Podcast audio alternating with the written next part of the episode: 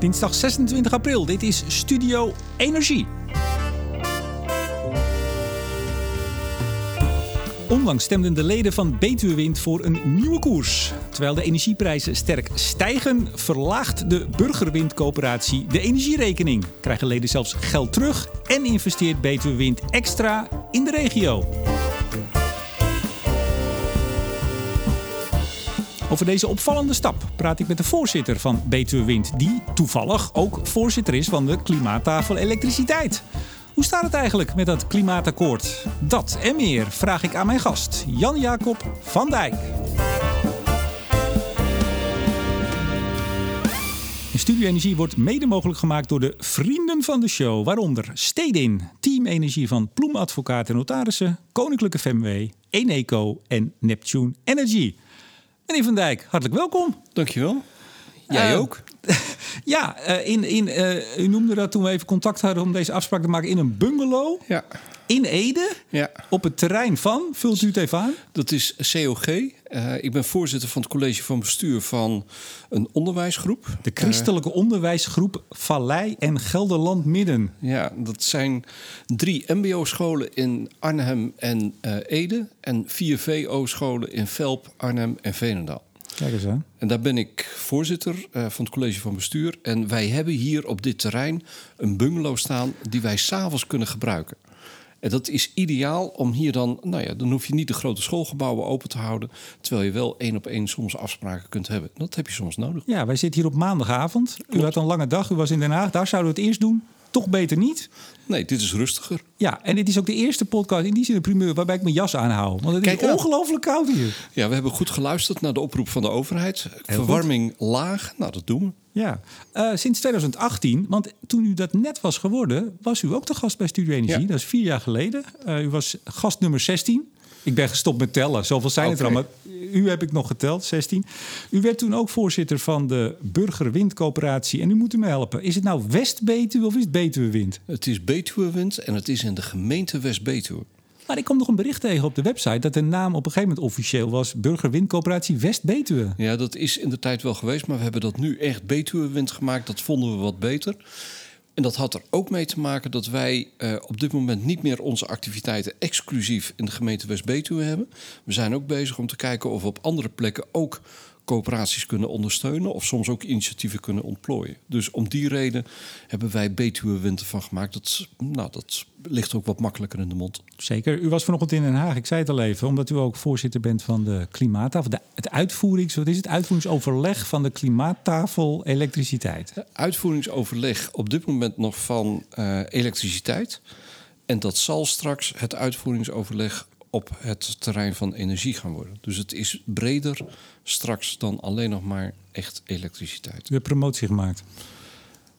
Ja, maar ja, of dat nou promotie is, dat weet ik niet. Het werkgebied wordt iets groter. Ja, Ja. We gaan het er zo over hebben. is goed. U, hebt ook, ehm, u was gedeputeerde. Ja. Dat was ook uw afscheidsgesprek. Dat hebben wij gevoerd toen in 2018. U was eh, jarenlang had u ook eh, energietransitie in uw portefeuille. Ja, van 2015 tot 2018. Ja, ja en u was van 2011 was u eh, gedeputeerde. Ja, ik ben, eh, in de eerste periode had ik eh, vooral landbouw en natuur. In de tweede periode had ik dat ook nog, maar toen heb ik ook energietransitie erbij gekregen. En dat waren buitengewoon boeiende periodes. Ja, dat komt misschien straks nog wel voorbij. Want we hebben toen gehad over de lessen die u allemaal geleerd had... en wat u nog kon meegeven. Nou, u loopt nu zelf ook veel vaker in Den Haag. Ja, Daar ga ik u straks nog wat over vragen. U zat voor het CDA ook in de Tweede Kamer. Acht jaar lang. Ja. En dus, ja, snapt u wel de, de, de belangrijkste vraag eigenlijk op dit moment die ik moet stellen.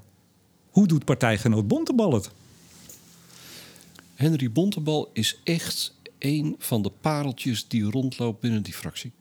Ik ken Henry al wat langer. Ik heb ook in de periode dat hij nog geen Kamerlid was, eh, contact met hem gehad. Hij, is, eh, hij weet precies waar hij het over heeft. Hij heeft ook in mijn ogen een goede visie. Namelijk dat hij zegt, er moet echt iets gebeuren op het terrein van die energietransitie. Het is echt een groot maatschappelijk probleem waar we mee aan de bak moeten. Nou, we waren ook met z'n tweeën bezig om, eh, nou, samen met Pieter Jan Dijkman, om een nieuwe visie op het terrein van eh, duurzaamheid eh, nou ja, op te schrijven. Hij is Kamerlid geworden. Ik ben ondertussen doorgegaan.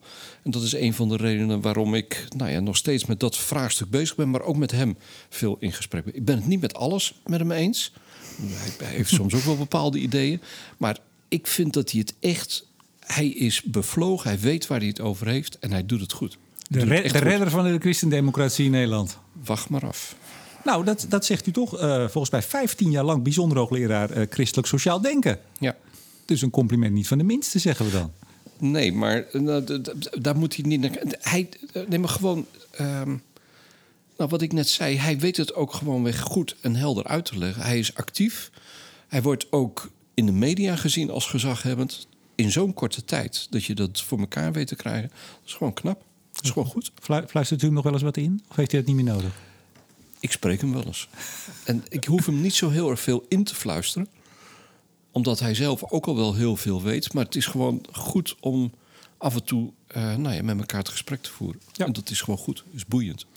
Voorzitter van de Burgerwindcoöperatie Betuwe Wind. Wat, eh, wat, ik zou bijna zeggen, wat, wat, is dat? Wat, behelst dat? Want is hij groot, klein? Vertel, vertel- vertelt u dus even. Nou ja, het is een. eh langzamerhand zijn wij een, coöpera- een van de grotere coöperaties geworden. We hebben ruim duizend leden. En dat groeit nog steeds. Iedere maand eh, beschrijven wij sowieso vijf, zes, zeven leden in. Dus nou ja, per jaar. Vorig jaar denk ik dat we toch zo'n 70, 80 mensen weer extra hebben ingeschreven. We hebben vorig jaar het feestje gevierd van het duizendste lid. Nou, dat is op zich. Er zijn heel veel verenigingen waar het aantal afneemt. Nou, hier neemt het echt eh, substantieel toe. Eh, wij hebben op dit moment twee echt grote activiteiten die we uitgevoerd hebben. Eentje is eh, een project met zeven windmolens.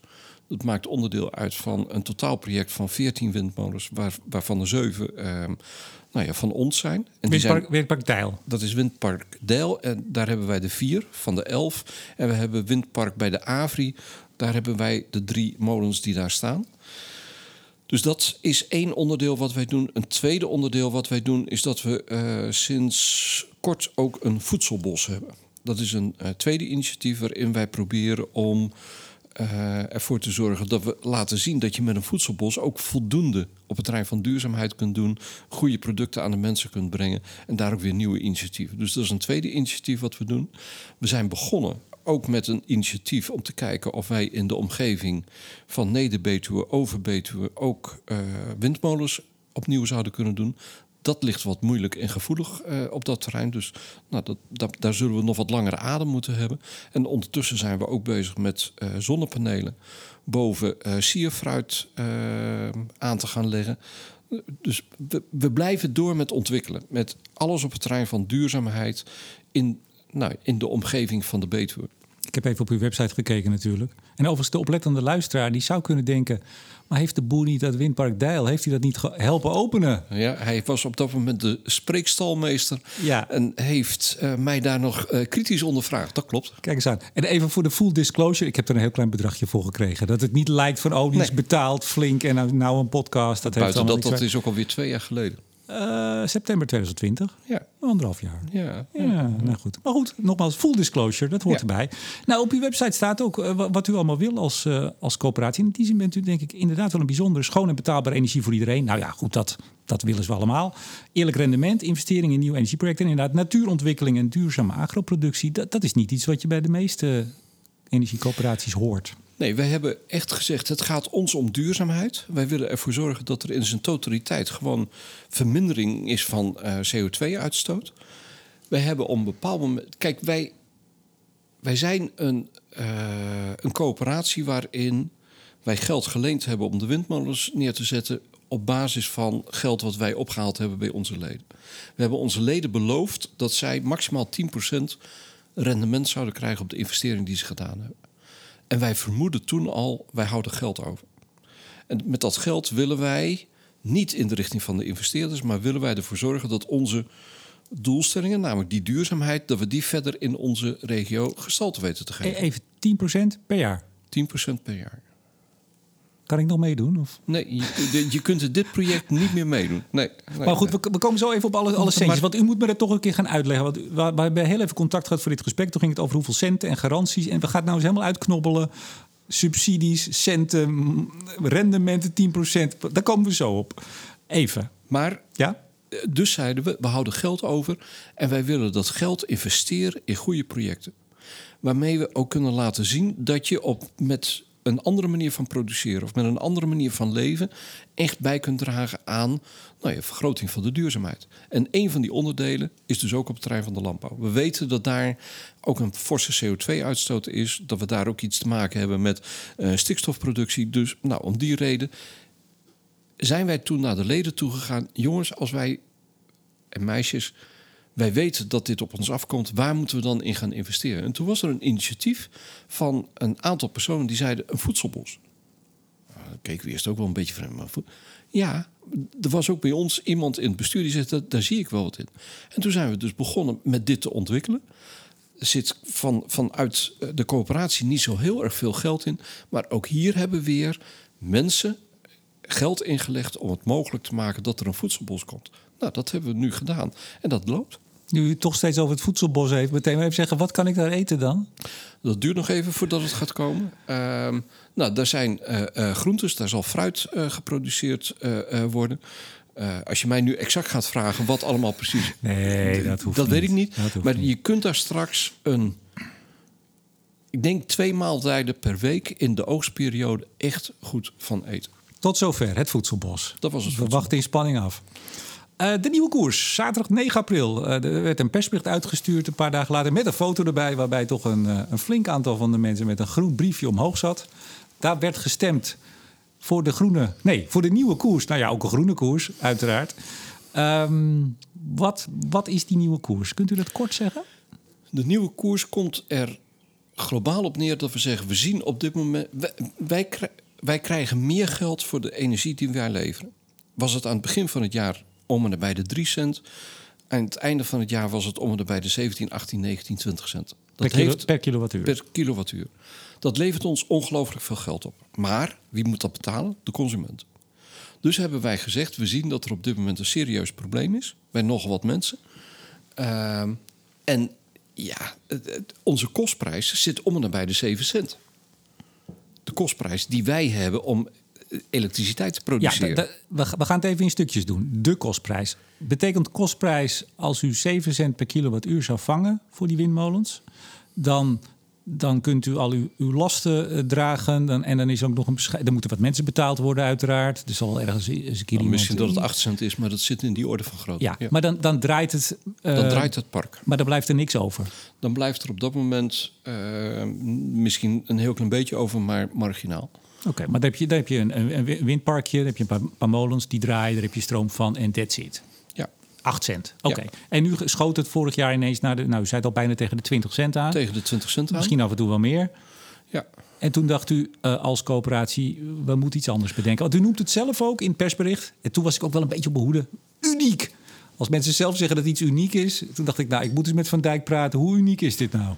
Nou, als jij al iemand anders bent tegengekomen die hetzelfde doet, dan eh, had je die ongetwijfeld eerder geïnterviewd dan, eh, dan wij. Nee, volgens mij is het wel uniek. Wat wij zeggen is, wij leveren onze stroom leveren wij aan Betuwe Energie. Dat is een onderdeel van Green Choice. Wij krijgen daar het bedrag voor. Maar ja, dat, eh, goed, dat bedrag dat komt bij ons op de rekening terecht. Er zijn mensen die bij ons lid zijn en die stroom afnemen bij Betuwe. Wij zeggen, kom met je jaarrekening, met je jaarafschrift. En laat zien hoeveel je daarvoor betaald hebt. En wij zeggen tegen jou dat jij niet meer dan 15 cent per kilowattuur hoeft te betalen. En niet die 20 cent of die 22 cent die er misschien staat. Als, als je dat betaald hebt, krijg je dat bedrag van ons terug. Dat is hetgeen wat wij willen gaan doen. Waarom doen we dat niet op 7, 8 cent? Omdat wanneer we dit gaan doen, het ook kan zijn dat er periodes zijn dat wij te weinig stroom zelf leveren. Dat wij stroom moeten inkopen. En ja, dan willen we. Daar zullen we ook een bepaald bedrag voor doen. Dus daarom zetten we hem op 15 cent. En dat is echt een gegarandeerde prijs. En waarom kunnen wij dit doen? Omdat wij gewoon zeker weten hoe hoog de rekening is, of de kostprijs is, van de elektriciteit die wij aan het opwekken zijn. En dat is het voordeel van windenergie ten opzichte van datgene wat er met fossiele brandstof wordt opgewekt. Je kunt hier een redelijk constante prijs berekenen. Ja, gaat u dan ook van wat er nu binnenkomt? Want het is dus 8 cent en er zit 7 cent bovenop. Nou, we gaan het straks hebben over, want u gaat van alles doen. U gaat ook helpen bij het bestrijden van de energiearmoede. U hebt allerlei eh, plannen. Er gaat extra geld naar het eh, duurzaamheidsfonds, een paar ton. Er gaat van alles mee gebeuren. Eh, de SDE subsidie die u eh, hebt ontvangen, hebt u al ontvangen? Want hij draait sinds nou, eind 2020. Ja, dus wat wij... Gaat u die dan terugbetalen ook? Die moeten wij terugbetalen. Ja, dus, want de SDE is een bedrag wat je gegarandeerd krijgt. En als er de opbrengst daarboven zit, ja, dan moet je gewoon de subsidie die je ontvangen hebt, wat je te veel hebt ontvangen, moet je gewoon teruggeven. Nee, dat snap ik. Maar in de tijd dat het 3 cent was, toen kreeg u subsidie? Ja, volgens mij werkt dat niet zo. Nee. Volgens mij werkt dat niet zo. Volgens mij is het gewoon zo. Nee, dat is een mooie vraag. Dus je zou hem zo. Kijk, maar dat is het systeem. In de, eh, dus als je zegt, hiermee doe je een aanbeveling om nog eens goed na te denken over die SDA-subsidie. Terecht dat je daar een suggestie want, voor doet. Want even toch ook, en ook voor mij hoor, en ik zeg wel eens vaker voor de luisteraars, maar ik, ik, ik ben af en toe het spoor ook een beetje bijster. Dit is ook niet helemaal mijn wereld. Bij hoeveel krijgt u SD? Want, want met, bij 8, 9 cent geloof ik, dan krijgt 7, u geen... Dus wij krijgen tot aan... Dus als de prijs onder de 7,5 cent zit... dan krijgen wij het bedrag wat wij ontvangen...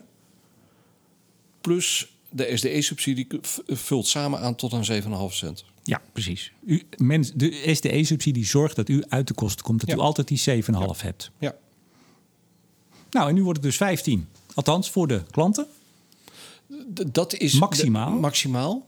Ja, wat, wat zij gaan betalen. En dat is dus bij de mensen die en lid zijn bij onze energiecoöperatie en stroom afnemen bij Betuwe Stroom. Maar als het, eh, de marktprijs 12 is, betalen ze gewoon 12. Dan betalen ze gewoon 12. Je zou kunnen zeggen, dan blijft het 15. Want nu hebben ze het, hebben ze het Nee, voordeel van dat ze geen 20 betalen. En als het wat lager is, hebben ze pech. Ja, dat zou je ook kunnen doen. Maar eh, dat is ook de prijs die, eh, die bij eh Betuwe Stroom wordt gegeven. Dus nou ja, daar wordt gewoon keurig netjes betaald. Die, dat, dat bedrag van 15 eh, cent of 16 cent of 17. Dus het gaat niet... Betuwe Stroom gaat het niet betalen. Wij gaan het betalen. Uit eigen zak. Uit eigen zak. Wat vond eh, Green Choice slash Betuwe Stroom van dit voorstel? Nou ja, kijk, het punt is dat wanneer je dit eh, als eerste partij in de markt zet, dan gaat dat wel enige druk uitoefenen op sommige partijen. Dus ik denk dat Green Choice eh, aan de ene kant het wel sympathiek vindt en aan de andere kant ook denkt: oei, oei, oei, wat voor president komt hier achterweg? Maar u denkt dat, maar u zult vast wel eens met ze, met ze gesproken hebben. We hebben, we hebben wel eens met ze gesproken. En eh, nou ja, goed. We hebben wel eens met ze gesproken. Kom op, Nee, meneer Van Dijk. Volgens mij hebt u wel eens goed met ze gesproken. Nou, la- laat ik het zo zeggen dat eh, ik zelf niet met ze gesproken heb, maar onze directeur hebben er wel mee gesproken. En datgene wat ik net zei, is denk ik een mooie weergave van hetgeen wat daaruit naar voren kwam. Maar nog even, want ik ben totaal niet zakelijk. U zegt, u betaalt het. Dus Betuwe Stroom, als het eh 17 cent is, de prijs... Dan betalen wij het verschil van die 2 cent per kilowattuur terug aan de consument. Ja. En dan blijft er nog steeds, want ik heb even gezien wat uw plannen zijn. Want u verwacht voor volgend jaar, dit jaar en volgend jaar substantieel hogere prijzen nog dan in 2021. Ja, Ehm, nou, zei- gemiddeld over 2,21. Ja. Ja, gemiddeld zeker. Eh, de ambitie, dat vond ik ook wel mooi. De ambitie is om de meeropbrengsten te investeren in het versterken van de eh, vitaliteit van de regio. Maar dat gaat u toch gewoon doen dan? Dat gaan we ook doen. Alleen je moet het wel even. Kijk, ehm, wij moeten wel plannen krijgen. Kijk, wij gaan niet alles zelf doen. Om even een voorbeeld te geven, we hebben vorig jaar, in 2021, hadden we ook geld over. Dat hebben we toen gestopt in een duurzaamheidsfonds. Een bedrag van 300.000 euro. En we hebben partijen uitgenodigd, kom langs en laat zien wat je met goede projecten zou kunnen doen die passen bij de doelstellingen die wij neerzetten. Er is onder andere Geofort gekomen om de ontwikkeling te doen op het terrein van duurzaamheid. Om kinderen en bezoekers van het park meer duidelijk te maken hoe belangrijk duurzaamheid is. We hebben daar een eh, eh, vereniging langs gekregen, een eh, agrarisch eh, eh, natuurbeheervereniging. Die is langsgekomen om het een en ander te doen op het terrein van weidevogels. Om die beter te gaan Ja, beschermen. maar zegt u nou eigenlijk, de, wij hebben het geld wel, maar er moeten wel ook projecten zijn die passen. En misschien zijn die er wel niet.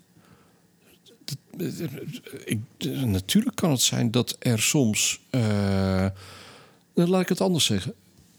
Wij gaan die projecten niet allemaal zelf doen. Wij wachten totdat die projecten bij ons binnenkomen. Wij beoordelen ze. We hadden in de afgelopen periode hadden wij drie ton beschikbaar. We hebben 260.000 euro uitgegeven. Ik hoop dat we in de komende periode, want volgens mij gaat het bedrag dan om en nabij een half miljoen, dat er dan gewoon meer aanvragen komen, zodat we ook echt kunnen kiezen eh, met de aanvragen of met, met, met de verzoeken die dan binnenkomen. Dat we een goede beoordeling kunnen maken. Ja. En dat moet allemaal in de regio, uiteraard. En dat moet in de regio plaatsvinden. Wij willen het echt in de regio gaan doen. Ehm, we zijn niet voor niks een regionale energiecoöperatie. Die willen we ook in de regio. En de regio is niet alleen maar de gemeente West-Betuwe. Culemborg kan er ook bij, om het zo maar eens te zeggen. Maar het moet niet zo zijn dat wij in Amsterdam allemaal projecten gaan doen. Nee. En als er iemand in Culemborg zit en die lid is van de coöperatie, die krijgt het geld niet, hè? Die- Nee, die- ik die- woon, het eventjes om ook helder te maken. Ja, nee, daarom. Ik woon in Culemborg. Eh, nee, ik kom niet in aanmerking. En, en hoe zit dat dan weer? Waarom dan niet? Wij hebben dit tot op dit moment gedaan voor eh, de gemeente waar ook de windmolens staan.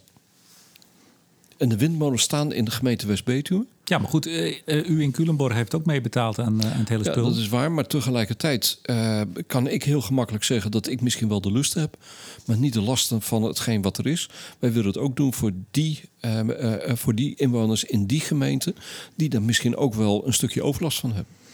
Over overlast gesproken, we zitten hier in Ede. Daar zijn wat locaties voor windmolens vastgesteld. Veenendaal, helemaal, laat ik het netjes zeggen, he- helemaal boos. Echt op Twitter gingen ze zelfs eh, aan de slag. Eh, zeer tegen. Dat is hier op, op, op de grens.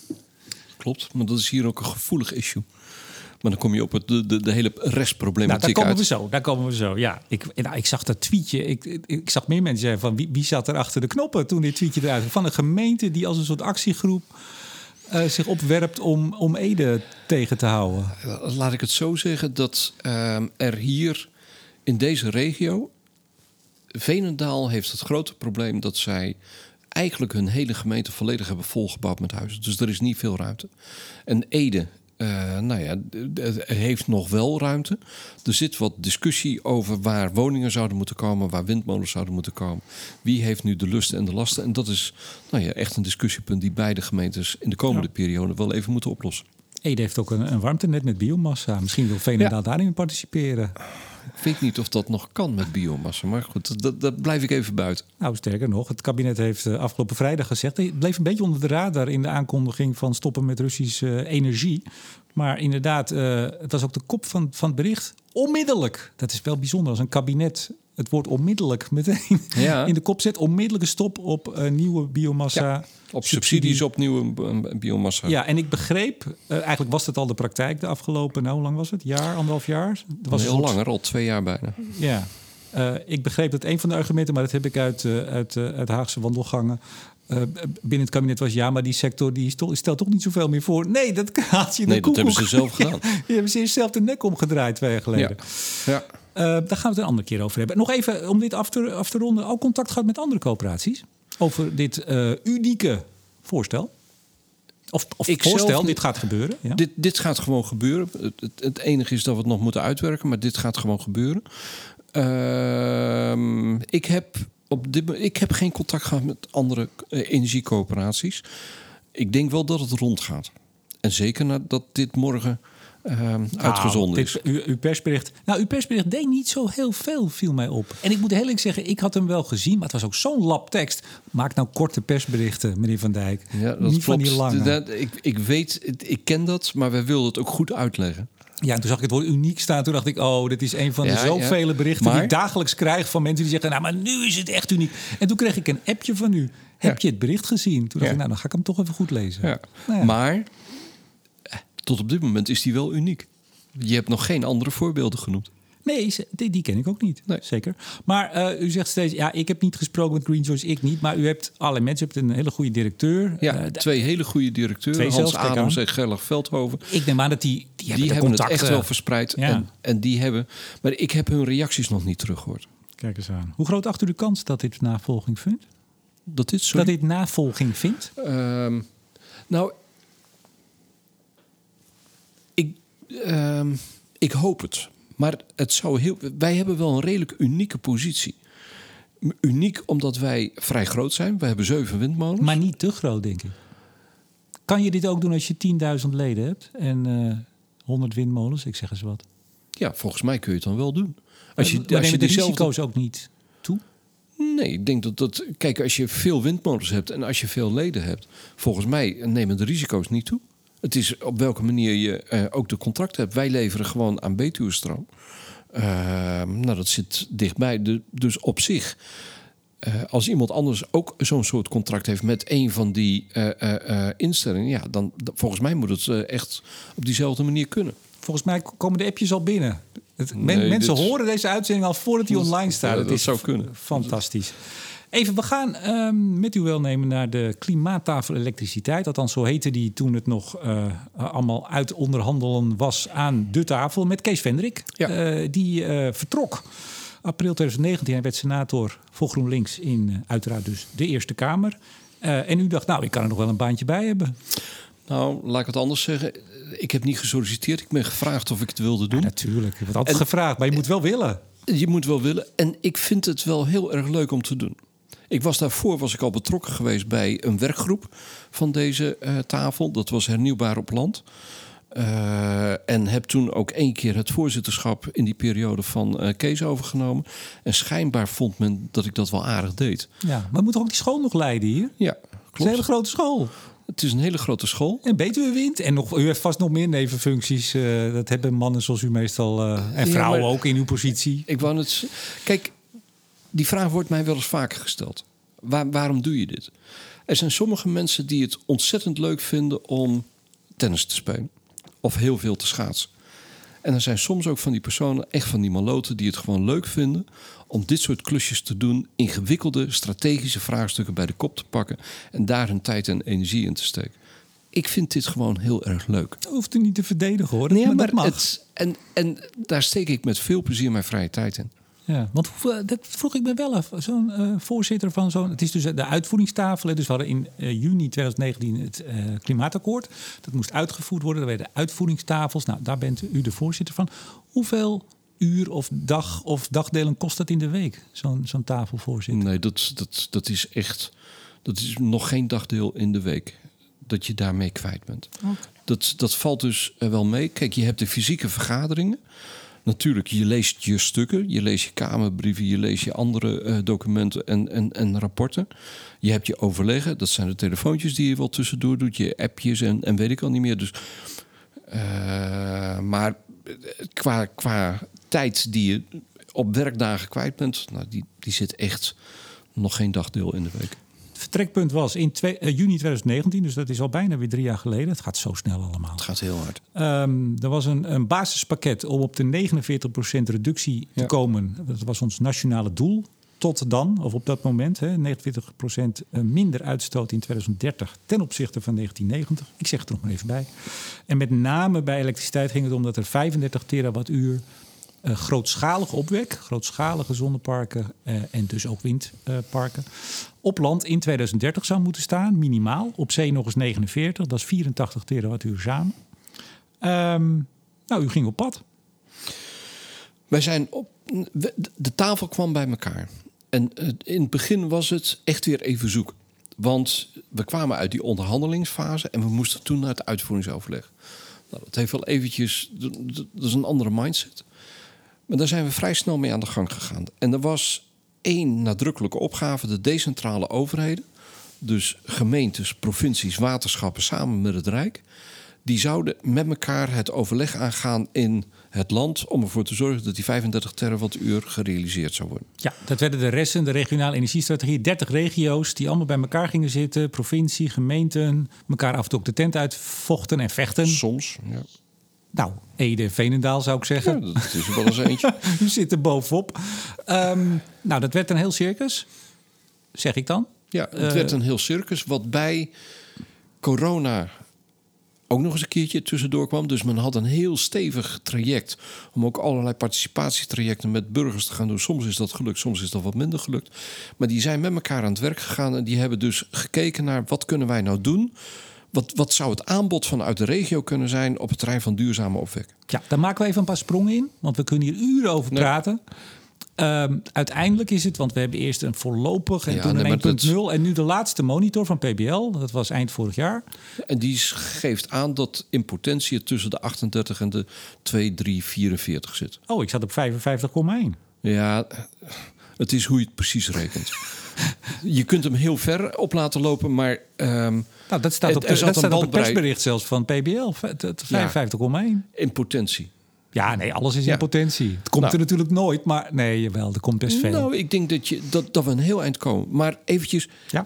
één element is wel van belang. Aan die tafel waren er de energieproducenten en de netbeheerders die buitengewoon sceptisch waren. Halen de decentrale overheden wel die 35 terawattuur? Er was zelfs binnen die club van IPO, VNG en de Unie van Waterschappen een werkgroep bezig van en wat gebeurt er nou?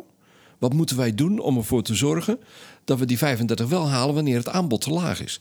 Iedereen was verbaasd toen het er fors overheen ging. En dat is wel een prestatie van formaat, want je kunt zeggen wat je wilt, maar de bestuurders en ook alle gemeenteraden hebben meer tussen de oren gekregen. We moeten iets en we kunnen ook Ja, nog iets. maar ze had ook even bij Martin Visser langs kunnen gaan. Eh, de ongekroonde cijferkoning van de Nederlandse energietransitie. 25 mei staan we samen in Diligentia. Maar dat Ah, terzijde de grote energie- en klimaatquiz. Ehm, eh, maar die heeft, en dat was niet in 2019, althans dat weet ik niet, maar in ieder geval die begon zich wel eh 2020 te roeren. Die zei: Ik heb eens even goed gekeken van wat er allemaal al Staat. SDE vergund is, wat er al staat. En met maar een klein setje heb je die 35 terawattuur eigenlijk nu al goed voor de bril. Die, die staat er al bijna. Ook dat klopt. En er was toen heel veel, met name op het terrein van zon, met grote, grote zonneparken. Daar was op dat moment nog niet mee gerekend. Maar grote zonneparken die daar toen al wel eh, eh, meededen in het geheel. Als je nu kijkt naar, naar de uitkomst van de resten, dan zie je dat er een wat onevenwichtigheid in is. Want er is heel veel zon en heel weinig wind neergezet. Nou, ik denk dat daar nog wel wat discussie over zal gaan komen. Plus dat er heel veel zon gepland is, grootschalig zon op dak.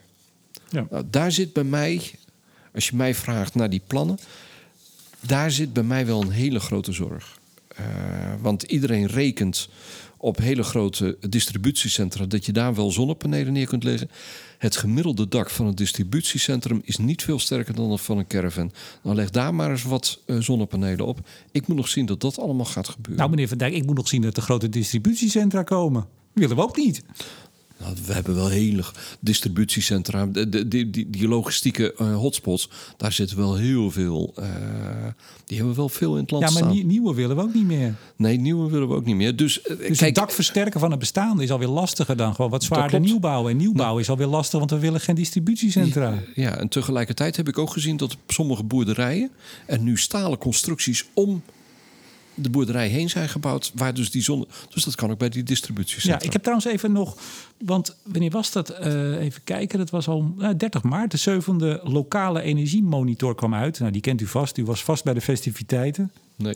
De koning was er ook. U was Ja, er dat- niet, de koning was er wel. Ja, maar de koning is de koning. Ja, dat is waar. Ehm, maar eh, ik heb er even een tabelletje, ik gooi hem nu even toe. Maar het is allemaal zon, zon, zon. Oh, ik moet de bril even pakken. Ja, dat is. Het is, Eh, die heb ik daar liggen. Nou, maar het is, allemaal zon. Ja, er is een heel klein regeltje voor wind. Wind is dus eigenlijk gewoon passé op land. Daar lijkt het op. En daarbij helpt het ook Nou, niet. lijkt het erop of is het zo? De, eh, de animo om wind te gaan doen is niet groot. Maar het idee was toch altijd als die coöperaties het gaan doen. Burgers zelf. We Ja. hebben nog die, wat is het ook weer, die 50% in, in eh, eigendom. En we hebben er allemaal regels weet ik niet. Oh, we hebben van alles voor bedacht. Maar zelfs bij de coöperaties zie je nu die, die lekker groeien. Althans, het zijn, nou ja, het is. Ik pak hem er even bij. Ja. Het aandeel is. ehm, het is altijd goed om even te kijken. Even kijken, we hebben zo'n 100, hoeveel was het ook weer? 112.000 leden. Nou, er zitten Ja. er 1000 bij u. Ja, Dus, eh, nou, de, ehm, er zijn zo'n, even kijken. 650.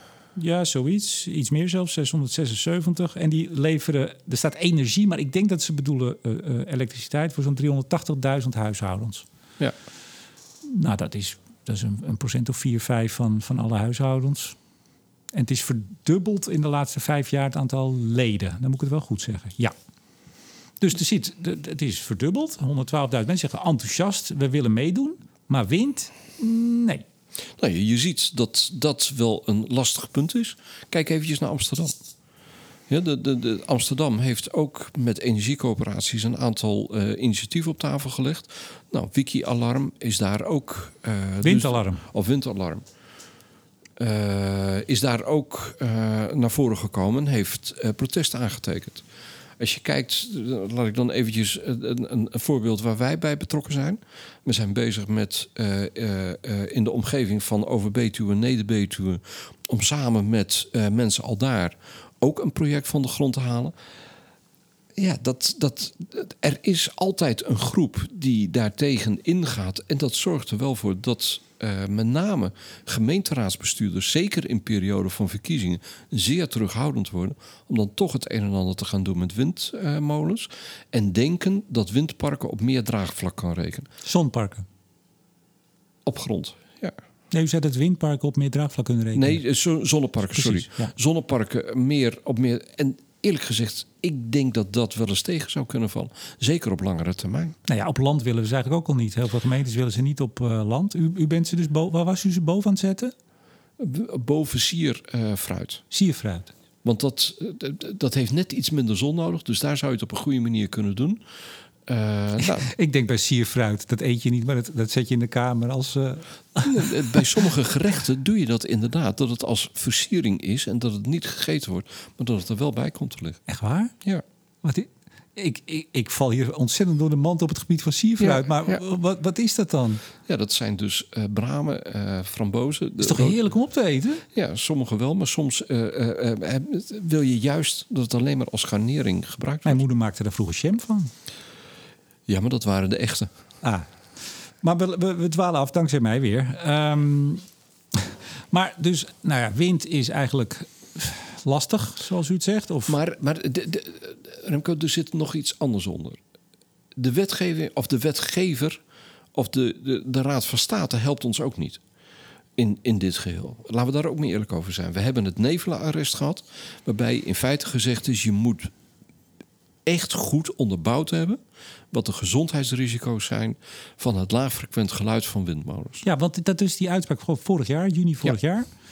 Ik heb ook nog steeds niet helder. Wat, wat, er ging meteen van, ja, heeft dit nu effect? Nou, niet op bestaande. Die hoefde niet, Nee. want dat leek het bijna nog even. Dat was het Dat was zeker van eventjes- tegenstanders. Ja, nou, die dingen moeten, moeten stilgezet worden. Dat was niet zo. Het ging vooral over nieuwe. Maar dan konden gemeenten, als ze heel graag een park wilden, konden ze wel in hun eigen verordening. Als ik het niet goed zeg, moeten me corrigeren. Konden ze wel weer iets opnemen waardoor het wel weer kon. Nou, in feite, eh, de- de- het is ingewikkeld, maar ik zal proberen het simpel uit te leggen. Er was een soort ehm, generieke tekst die je kon gebruiken. Dat, dat noemde men dan een, een, een, een, bepaling. Als je maar een bepaalde afstand had, dan kon je wel zeggen voldoende onderbouwd hebben. Om die reden zal er geen gezondheidsrisico zijn van hetgeen wat er gebeurt. Daarvan heeft de rechter in het nevelarrest en later in het Delfzijl-arrest hier in Nederland gezegd... zo generiek kun je dat niet doen, want dat is gebaseerd op oude cijfers. Je moet meer onderzoek doen wat werkelijk de gezondheidsrisico's zijn. Daarvan is toen gezegd, Rijk, u zult dat eerst moeten gaan doen. Maar tegelijkertijd is er de mogelijkheid geboden aan gemeentes om zelf dat onderzoek te gaan doen. Maar dan moeten ze dus specifiek op die situatie het onderzoek gaan doen... wat de gezondheidsrisico's zijn van laagfrequent geluid... en wat de afstandsnormen zouden kunnen zijn en hoe je dat zou moeten En doen. dat is nu de praktijk voor nieuwe parken. En dat kan een gemeente gaan doen, maar heel veel gemeentes zeggen... wij wachten ook wel eventjes af wat de uitkomsten zullen zijn van dat onderzoek... wat het RIVM gaat doen. Ik weet niet precies wanneer het onderzoek klaar is... maar volgens mij zou dat voor het einde van het jaar zou dat klaar moeten zijn. Alleen kost het dan nog wat tijd om dat weer in nieuwe wet en regelgeving om maar, te maar, zetten. maar, maar u, u, u zei net volgens mij eh, dat de Raad van State niet meehelpt. Zei u dat zo? Nou, Zo'n uitspraak van de Raad van State zorgt ervoor dat echt er een stukje vertraging komt Ja. in de bouw van windmolens. Maar ik, zat, ik had eh, nou, onlangs een, een gesprek over eh, Portos, het CCS-project. Ja. Met eh, Mark Driessen van Portos. Ja. Die nu ook een zaak bij de Raad van State hebben. Waar het eigenlijk ook allemaal even afwachten is. Die uitspraak komt over een week of 10 à 12. Ehm, en, en daar zei Driessen, die zei ook van ja, mensen die eh, zeg maar zo'n klacht indienen of zo'n zaak aanspannen, die zouden zich bewust moeten zijn van het mogelijke effect. Dat hoor ik bij u ook een beetje, in dit geval niet bij de klagers, maar bij de rechters. Ja, die toetsen aan de wet. En als die zeggen, ja, dit, is, dit kan zo niet door de beugel. Wij vinden dat er per geval moet worden gekeken. En niet een soort generieke aanpak, maar je moet per geval kijken. Ja, dan kan je zeggen, ja, we, we hebben de rechter ook niet mee. Maar eh, de rechter houdt zich over het algemeen aan de wet. Eens. Dus om die reden denk ik, ehm, ben ik het volledig met je eens dat wanneer er personen zijn die terecht procedures aanspannen bij de rechter en de rechter geeft ze gelijk, prima. Maar dan is het dus de wetgeving. Misschien hebt u er nog wel voor gezorgd toen u in de Kamer zat dat deze wet dat het niet goed Ah, is gekomen. dat- eh, ongetwijfeld kan dat, maar dat laat ik even in. Het enige wat niet helpt, is dat het heel lang duurt voordat de Raad van State uiteindelijk eens een keer met een oordeel komt.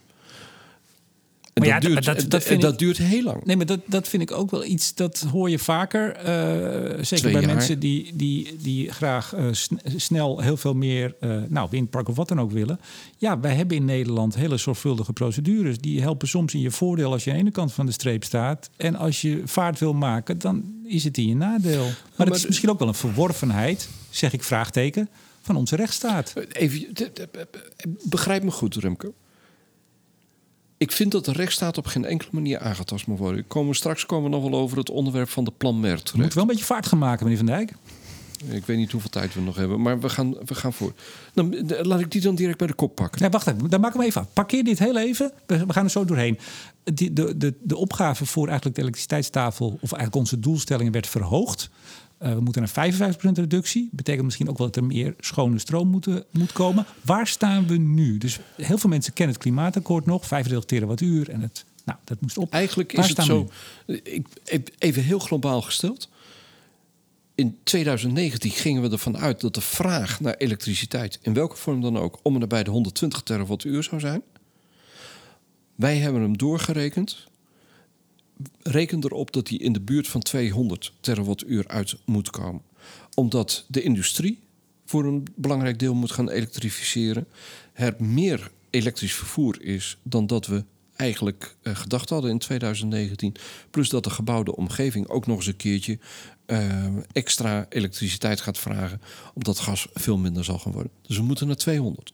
Dus dat is al fors. Maar ma- mag ik even onderbreken? Want ik heb nog even de KEF erbij gepakt. De Klimaat-Energieverkenning. Toch de bijbel van ons... Ja? Eh, die, de laatste, 2021, met pijldatum of, of sluitingsdatum mei 2021. Daar las ik elektriciteitsverbruik 230, 476 petajoule. Nou, dat is 132, dat weet u uit uw hoofd. Dat is 132 terawattuur. Dat is nog even tot nu toe de laatste stand in de klimaatenergieverkenning van Ga de PBL. ervan uit dat binnenkort, en iedereen weet dat zo langzamerhand in de sector Mhm. ook al wel, het komt in de buurt van de 200 terawattuur uit wat we nodig hebben om iedereen zijn doelstellingen te laten halen die geformuleerd staan of in het klimaatakkoord of in Fit for 55 of in Ja. die 60% Ja, maar zelfs al in het klimaatakkoord. Want ik hoor natuurlijk ook al veel langer in de sector... dat al die ramingen die er waren van het elektriciteitsverbruik voor 2030... dat dat veel te laag was. Dat was op dat moment veel te laag. Kees Vendrik heeft op dat moment echt herhaaldelijk gevraagd. Jongens, kom met een berekening naar mij toe. Wat jullie nodig hebben. Met name van de zijde van de industrie was dat op dat moment niet mogelijk. Er wa- was, waren op dat moment ook wat gebruskeerde verhoudingen. Laten we het eh, zo maar zeggen. Oh Dus die, is, eh, eh, nou, die waren in, in de sector. Omdat volgens mij toen Wiebes ook net zijn gasbrief had verzonden. Maar dat, dat leidde ertoe dat er op dat moment geen echt volledige indicatie was. Ik heb dat rapport geschreven. Dat heb je dat- vorig jaar in januari is dat verschenen. Daarin hebben we gezegd we hebben 45 extra terawattuur aan elektriciteit nodig om de industrie zijn doelstellingen te laten realiseren. Dat was al 45. Ja, hebben we het dan over alleen op land of hebben we het ook over op zee? Die vijf, daarvan hebben wij toen gezegd je moet naar zee toe. Dit kun je op dat moment niet op land Nou doen. is er 10 gigawatt onlangs toegezegd om in 2000 extra neer te zetten. Ja. Hebben we 21,5 gigawatt. Als mensen niet meer kunnen volgen, mensen... Dat geen- is geen- ongeveer 90 terawattuur wat je dan met elkaar kunt produceren. Nou, Ja, maar we hebben nog iets meer nodig. Want ehm, we hebben ook gezien dat als je kijkt naar het elektrisch vervoer, wat op dit moment razendsnel zich ontwikkelt. En willen ze de doelstellingen halen, nog door moet blijven gaan. Die hebben heel veel nodig. Ook wanneer je kijkt naar de gebouwde omgeving, hebben ze ook meer nodig. Nou, reken er maar op dat dat om en nabij de 25 tot 30 extra is wat er gedaan zou moeten worden. Een deel kan op zee, een belangrijk deel.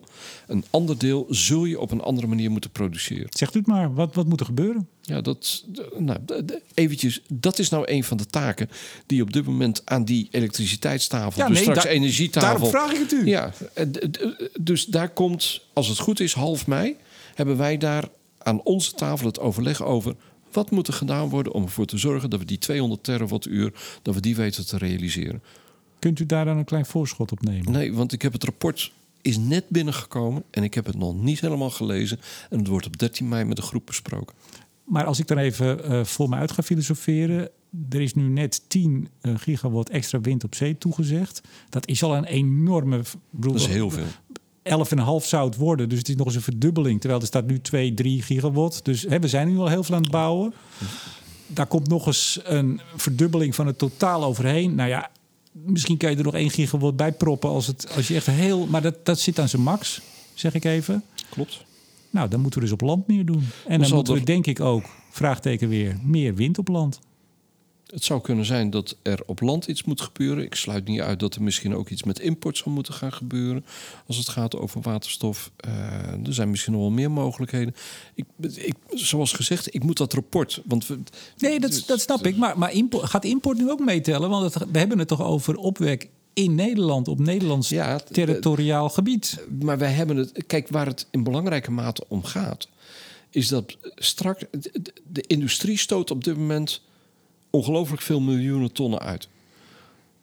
Als die dat willen oplossen, dan zullen ze gewoon over moeten gaan op elektrificatie. En of dat nou gaat via uh, waterstof, dan wel via uh, uh, elektronen, dan laat ik even in het midden. Als we dat niet zelf allemaal kunnen leveren, ja, dan zullen we het ergens anders vandaan moeten halen, waardoor wij wel uh, minder uh, CO2 hier in Nederland zullen gaan uitstoten. En ik ga ervan uit dat dat groene waterstof is wat we dan aangeleverd ja, krijgen. ik wou net zeggen, dat is nog maar de vraag. Ja. Maar dat is iets wat we de laatste jaar al veel meer zien. We kijken over het algemeen tot de grens. We, zijn nu ook weer, we gaan nu schaliegas uit Amerika importeren... om maar hier niet meer te hoeven winnen. Dat is natuurlijk wel het probleem verplaatsen. Ja, maar laten we even heel reëel zijn. De hele discussie op het terrein van energie is een mondiaal vraagstuk, is ook een Europees vraagstuk. Maar ziet u in Den Haag dat men ook allemaal met een mondiale bril ernaar kijkt? Nee. Laten we dan, nee, want, maar dat snap ik ook voor een deel. Als ik kijk dat wij op dit moment in, in Nederland de gascentrales door moeten laten stoken, waarmee Duitsland makkelijker zijn doelstellingen kan gaan halen als ik dat op deze manier uitleg aan de gemiddelde uh, lezer, dan kijken mensen mij ook aan. Is dat nou de bedoeling van het geheel? Ja, eigenlijk wel. Want mondiaal lossen we wel iets meer op uh, om het op deze manier maar dat is toch het mooie van het ETS, wat ooit is ingevoerd, 2005 al.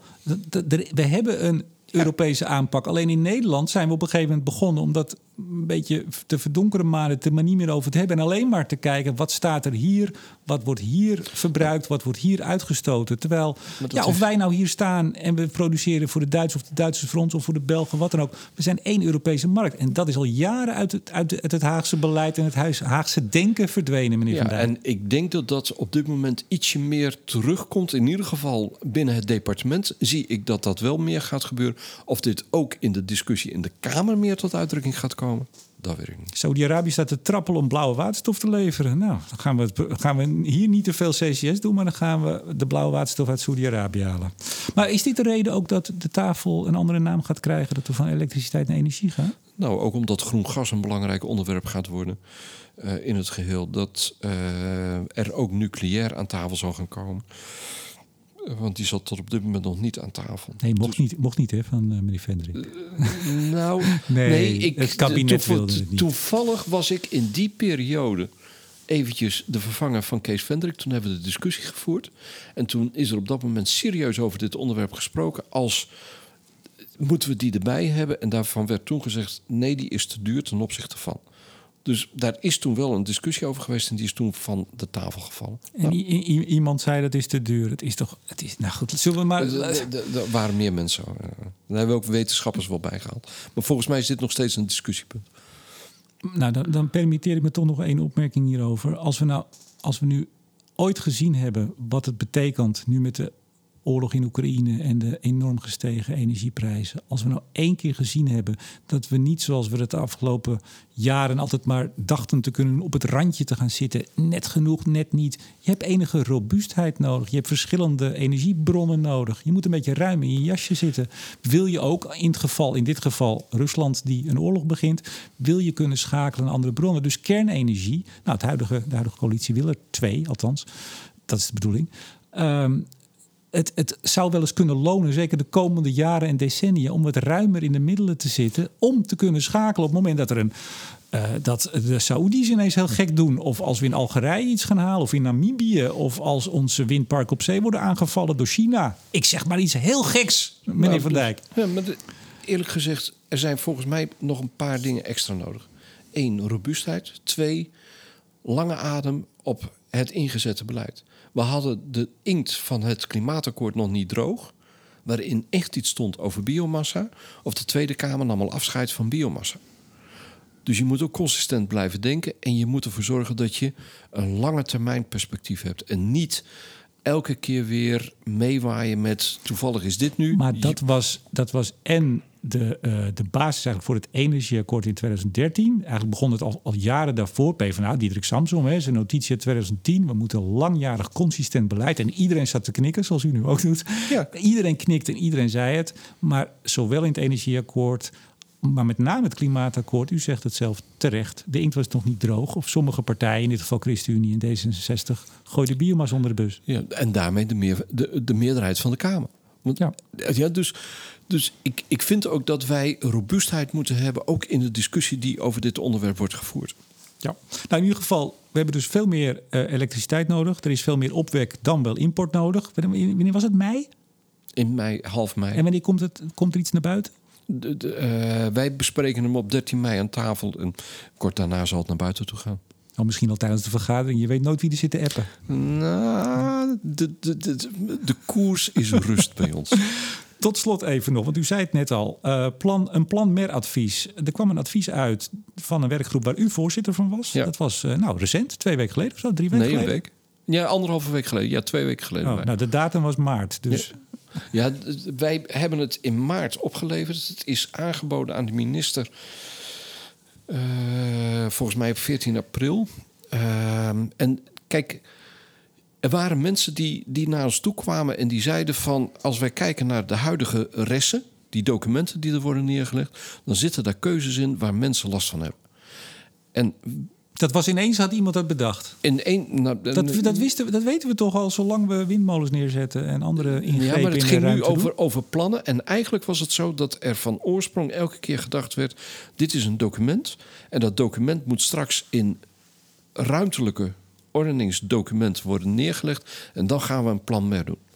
En nu bleek. Even, wat is een plan mer? Een plan mer is in feite een, dat de plannen die daar worden neergelegd.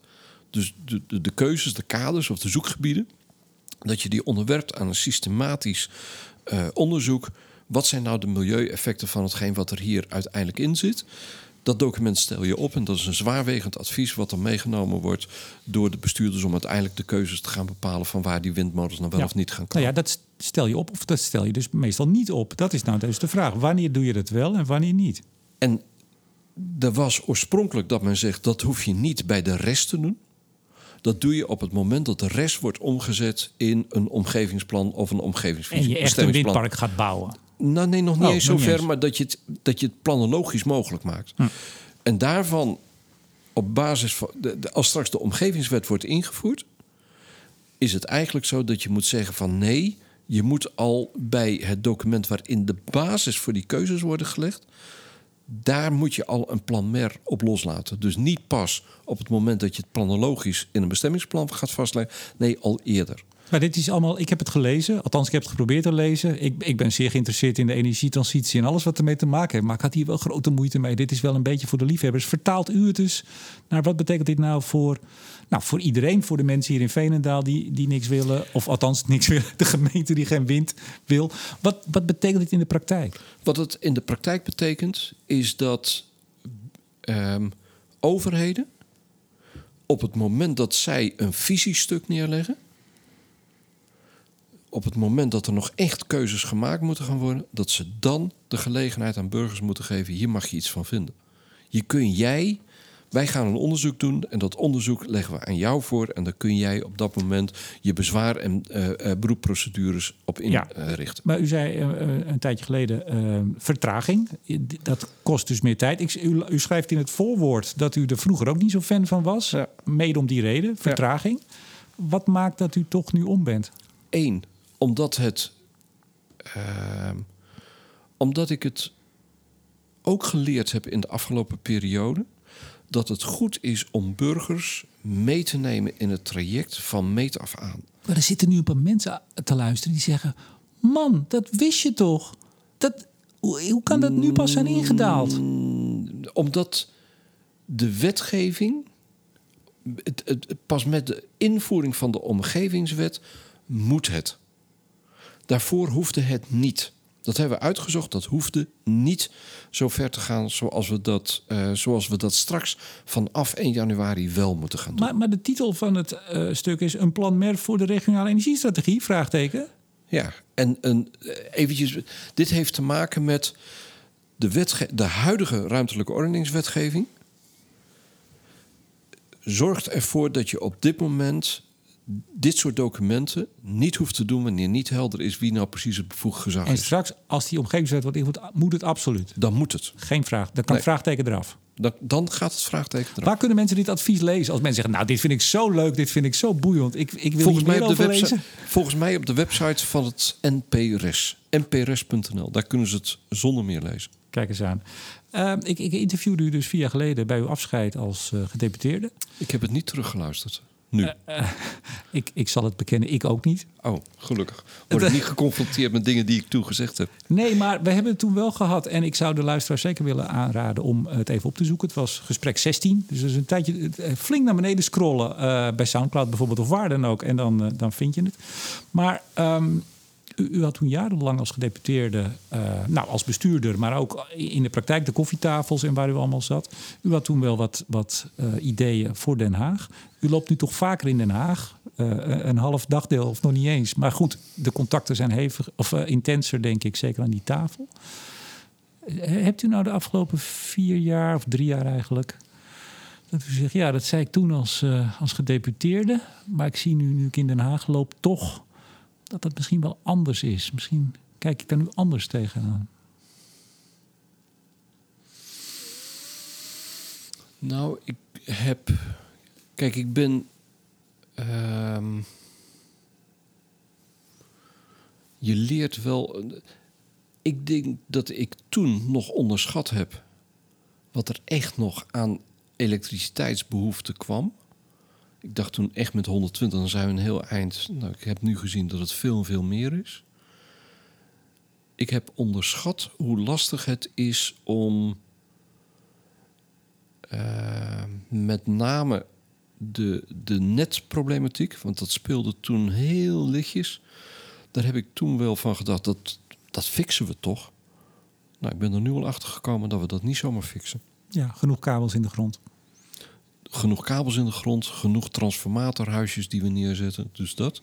En het derde, ik was zelf altijd heel erg terughoudend bij kernenergie. Omdat ik, nou, ten aanzien van het afval heb je wel een probleem. Maar het tweede was ook dat ik echt in mijn hoofd had zitten. Als je het gaat gebruiken voor opvang wanneer er uh, uh, te weinig zon en te weinig wind is, dan is het wel een hele dure oplossing. En toen was er laatst iemand, Sander Gaastra, die tegen mij zei: Maar je kunt in de periodes dat je het niet direct nodig hebt, kun je er ook groene waterstof mee maken. Totdat je, je hebt gelijk. Ja, dus ik ben directeur-generaal energie van EZK. Ja, ja. En toen hij dat zo zei, toen dacht ik van ja, je hebt gelijk. Dus om die reden sta ik nu uh, echt positiever tegenover kernenergie. Of schoon ik nog steeds denk dat draagvlak om ergens een kerncentrale neer te zetten echt niet veel groter is dan dat het voor windenergie is. Zeeland staan ze erom te springen. Johannes de Bad, uw partijgenoot, Weet ik. doet daar hard zijn best voor om die kant op te krijgen. Ja. En volgens mij heeft hij het wind, de wind mee. Ik, het zou een mooie oplossing zijn wanneer het daar uiteindelijk terecht zou gaan komen. Maar ik weet zeker dat er ook heel veel mensen in de omgeving daar zijn die er niet zo groot voorstander van zijn. Dus het zal nog wel wat water door de Schelde lopen en stromen voordat het er uiteindelijk staat. Misschien gewoon even een kopje koffie met de partijgenoot Bontebal gaan drinken. Ja, die, wie weet. Die kan heel goed. Uh... Even, echt slotvraag. Hoe, hoe, lang zijn dit soort benoemingen? Dus zowel voorzitter Betuwe Wind als de tafel. Is dat een oneindig iets of komt nee, er een eind aan? Nee, de, de uh, Betuwe Wind is elke keer een benoeming voor een periode van twee jaar. Dus tot aan het einde van het jaar. En uh, ten aanzien van de, de tafel... Uh, nou, daar wordt op dit moment wordt daar over gesproken, over, uh, want is een nieuwe uh, kabinetsperiode. Dus we gaan zien. We gaan het inderdaad zien. Jan-Jacob van Dijk, voorzitter van Betuwe Wind en van de Klimaatakkoord uitvoeringstafel. Nu nog even elektriciteit, maar het wordt dus energie. Hartelijk dank voor het gesprek. Graag gedaan. En uiteraard bedank ik ook jullie, beste luisteraars, en in het bijzonder alle vrienden van de show, waaronder netbeheerder Stedin, Team Energie van Ploem Advocaten Notarissen, Koninklijke FMW, Eneco en Neptune Energy. Tot zover. Mijn naam is Remco de Boer. Graag tot volgende week.